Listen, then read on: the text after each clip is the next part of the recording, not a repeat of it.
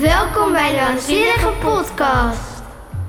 Ik ben Hanna en dit is Silde. Ik ben Silde en dit is Hanna.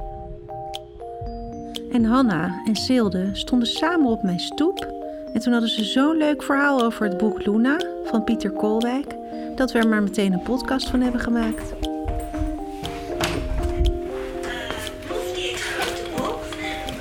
We waren heel even aan het laten zien. Ik was even aan het la- laten zien hoe het een beetje klonk. Ja, ik heb de waanzinnige podcast nog niet echt gehoord. Moet is ik leuk. naar de links sturen? Hanna is namelijk een waanzinnige leestijger. En zij tipt altijd super leuke boeken via onze nieuwsbrief. 104 hartjes. 104 al? Ja, ze hebben nu 104. Maar nu komt Hanna dus langs met haar nieuwe vriendin Silde.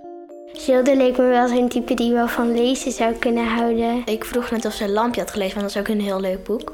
En zij had het ook gelezen. Wij lezen een beetje dezelfde boeken en dat is leuk. Want ik, ik kan nooit iemand vinden die dezelfde boeken leest. Dus dat, ik vind het wel leuk dat, dat Hanna dezelfde boeken leest als ik. En ze hebben Luna samen gelezen. We gingen elke keer afspreken, je mag maar tot 162 of zoiets. Alleen ik las altijd veel verder en moest Silde altijd weer zeggen... Nou, ja, nu moet ik dus nog een half uur gaan lezen, dus nu mag jij niet meer lezen. En dan dacht ik altijd, maar het was veel te spannend, hoe kon ik nou stoppen? Hey, en hoe is het om samen een boek te lezen?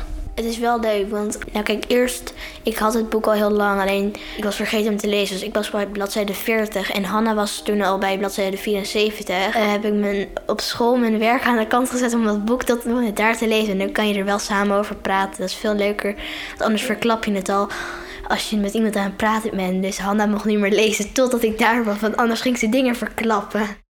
Wat is Luna voor persoon? Eh, ze is een eh, heel. Ze heeft heel veel fantasie en ze heeft tics dat ze heel vaak met haar ogen knipt of met haar mondhoeken zo trekt. Want heel veel stemmen in haar hoofd hebben die allemaal. Iedereen zegt iets anders. Eén zegt ren weg of Ren weg, ren weg voor je leven. Bla bla bla. Dan raak je helemaal overstuur. Toen dacht ik wel, wow, dat is wel echt heel ernstig. Dat je dan de hele tijd opeens allemaal stemmen hoort. En dat je ze ook kan aanvoelen. En dat je dan zo voelt dat het zo is. En dat iedereen je dan raar daardoor vindt. Want op het laatste stukje is het ook heel zielig. En je, je voelt het ook gewoon. Het voelt net alsof je echt in het boek zit. Waar moeten we beginnen met het verhaal? Nou, Luna's ouders vinden haar gek omdat ze heel veel stemmen in haar hoofd had. En ze praat altijd tegen haar stemmen. En ze heeft tics, dus ze moet eigenlijk naar een soort van gekkenhuis. En dan eh, ja, zorgen ze daarvoor. Maar het is eigenlijk helemaal niet leuk. Luna die komt terecht in Huizen Hoopvol. Doet het heel vaak ook in het boek Huizen Hopeloos. Ze leert de artiest kennen en eh Gozert.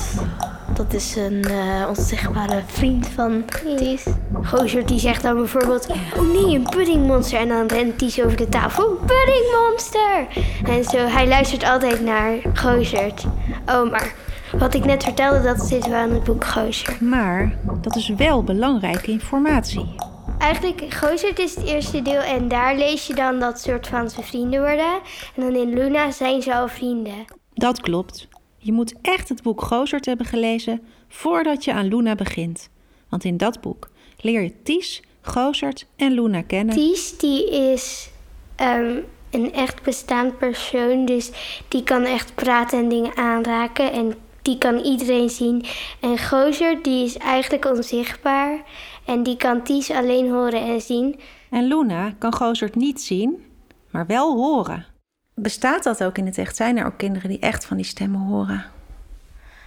Ik denk het wel, want soms heb je van mensen die, kinderen die ook heel onzeker zijn, die horen allemaal van een stem als, als ze worden gepest. Dan horen ze van je stem, je bent niet goed genoeg of zo. Dus ik denk dat kinderen dat wel hebben, maar ik denk niet dat ze echt een onzichtbare vriend hebben. Nou, het kan, maar Ja. Wat denk jij? Nou, ik denk dus net zoals Silde dat ze wel het kan zijn. Maar ik denk dat het niet dan met zoveel zijn. En dat ze dan helemaal een soort van eigenlijk overlopen. Want dat zegt ze heel vaak.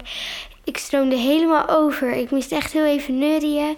Om, ik, ik moest op mijn allerhardst neurien. En dan komt het... Dan heb ik geen stem meer in mijn hoofd. Luna ziet haar ouders en zussen eigenlijk nog maar zelden. Ze hebben haar weggestopt in Huizen Hoopvol. Maar haar enige hoop is het weekend. Dan mag ze bij Ties logeren. Bij Ties thuis kan ze helemaal zichzelf zijn. En grappig genoeg verdwijnen daar de tics en de stemmen. Maar op een dag staat Luna's moeder op de stoep. Zij wil het goed maken met Luna. Dat is goed nieuws, want ze haalt Luna weg uit Huizen Hoopvol en gaat met haar in een vakantiepark wonen. Ze ging uiteindelijk naar vakantiepark de, de, de, Kastanjeboom. En Dat is van haar, hun vader is daar, de- de- ik bedoel, haar vader is daar de directeur van en ze hebben daar dus een huisje. De vader van Luna. Ja, de vader van Luna. Maar het betekent ook dat Luna niet meer bij Ties logeert in het weekend. Gelukkig beslist Gozert om mee te gaan naar het vakantiepark. En daar ontmoeten ze een mysterieus drietal. Twee kinderen en hun moeder. Adriana en Roberto en Rosalinde. Die ontmoet ze daar, want die wonen, je mag daar eigenlijk helemaal niet de hele tijd wonen, maar zij wonen daar stiekem de hele tijd. Toen gingen ze praten over, want die Roberto die is een beetje, eh, die is een beetje eigenwijs, dus die ging toen zeggen, ja we mogen niet veel opvallen voor El Malo. Aan het eind van het boek kom je erachter wie El Malo is.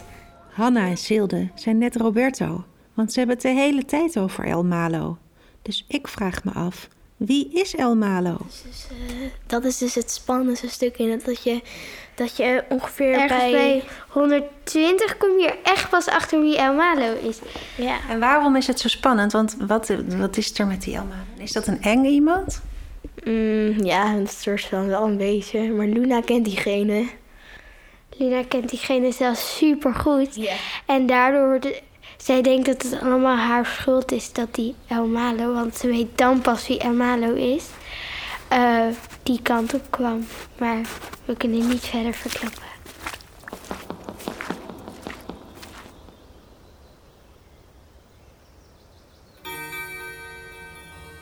Hoofdstuk 13, op zoek. Zou El Malo een dier zijn? Misschien een mens? Of u weet wel iets heel anders? Willen we naar El Malo toe? Of blijven we uit de buurt? Maar waar is dat? Uit de buurt.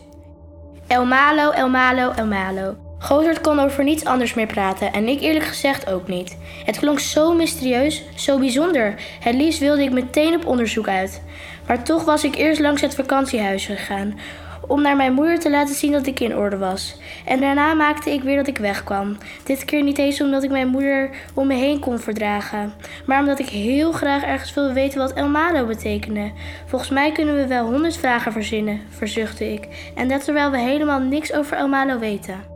Maar dat is logisch. Als je ergens heel veel van af weet, heb je ook geen vragen meer. Ik knikte. Daar had hij gelijk in. Als je er goed over nadenkt, kan El Malo alles zijn, zei ik. Zelfs een simpele tak. Maar dan wel eentje met heel veel prikkels. Of een klein schattig hondje. Maar dan wel eentje met hele grote gevaarlijke opeettanden. Zelfs een eekhoorn. Die eikels naar je hoofd smijt als je in de buurt komt. Ik schudde mijn hoofd. Moet er serieus steeds iets gemeens achteraan komen? Maar natuurlijk, waarom wil die vrouw anders dat die kinderen niet veel opvallen? Het is iets slechts, iets ontzettend gevaarlijks.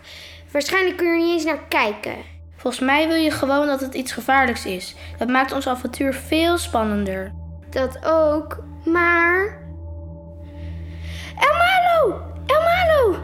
Niet omkijken, anders verander je in een stenen beeld. Nou, één ding is zeker. Het is echt een grote verrassing. Is hij El Malo? Ja, wij, wij hadden het ook niet verwacht. Dat El Malo was. En dan heb je dat hele spannende stuk over El Malo gehad. En dan, eh, dan gebeurt er nog iets heel spannends op de dag van de doden. Maar dat moet je zelf lezen. Oké. Eh, wat is de dag van de doden eigenlijk? Het is een Mexicaans feest wat ze vieren. En dan hangen ze allemaal lampjes op. En dan gaan ze vieren dat mensen eigenlijk dood zijn. Het klinkt best wel gek. Maar eh, ja, dus dan herdenken ze. En dan kunnen ze aan de mensen denken waar ze van houden. I love you. En wie vieren de doden dan in dit boek? Ehm, Adriana en- Roberto, want hun vader is overleden. En dan gaan ze een hele mooie plek maken in het bos. En daar gaan ze dan aan hun vader denken. Hoe ziet het er dan uit? Allemaal mooie lichtjes en eh, een picknickkleed met allemaal lekkere dingen. En dan gaan ze dat vieren met Luna en haar moeder en de moeder van Adriana en Roberto. Tot zover Hanna en Silde over het boek Luna van Pieter Kolwijk met tekeningen van Linde Vaas. En volg vooral de tip op van Hanna en Silde. Lees samen een boek en praat erover. Bla bla bla bla bla bla bla bla. Nou, over wat er is gebeurd in het boek is van... Ja, ik wil dus echt graag weten waar ze naartoe gaan. Ja, weet, weet jij al waar het naartoe gaat? Nee, ik weet het toch niet. Oké, dan ga ik niks verklappen, zulke dingen. Nou, we hebben het. Dankjewel. Doei! Wacht, dat moeten we even tegelijk zeggen. Die ging best goed, maar doe nog maar een keer 1, 2, 3. Doei! Oh ja, jullie zijn natuurlijk benieuwd wie ik de volgende keer spreek. Dat is Elias.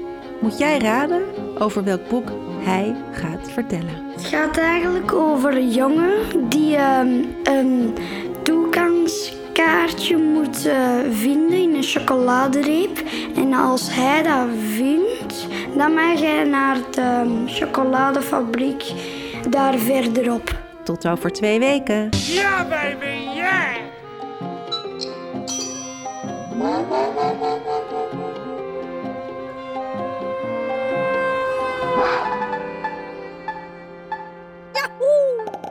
Dit is een productie van Studio Popcorn.